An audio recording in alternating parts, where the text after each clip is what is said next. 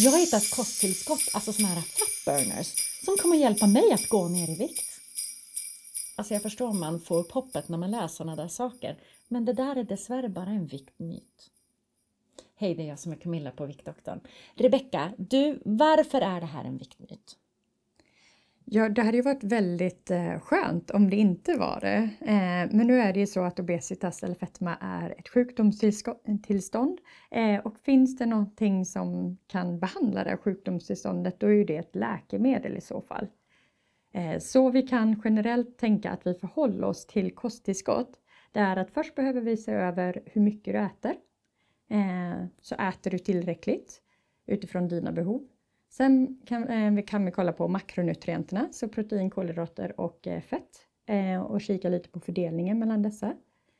Efter det, när man har kikat på de två, då kollar vi på mikronutrienterna, vilket är olika vitaminer, mineraler och så vidare.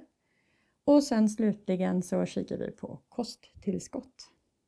Alltså i Sverige har vi ju rätt bra mat. Mm. Är det någonting vi egentligen får brist på? Eh, I Sverige så riskerar eh, vi brist på eh, järn, framförallt för menstruerande kvinnor, D-vitamin och omega-3. Så det är väl de tre som man kan fråga om på apoteket helt enkelt. Mm.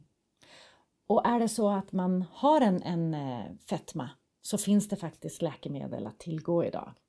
Bara som förtydligande.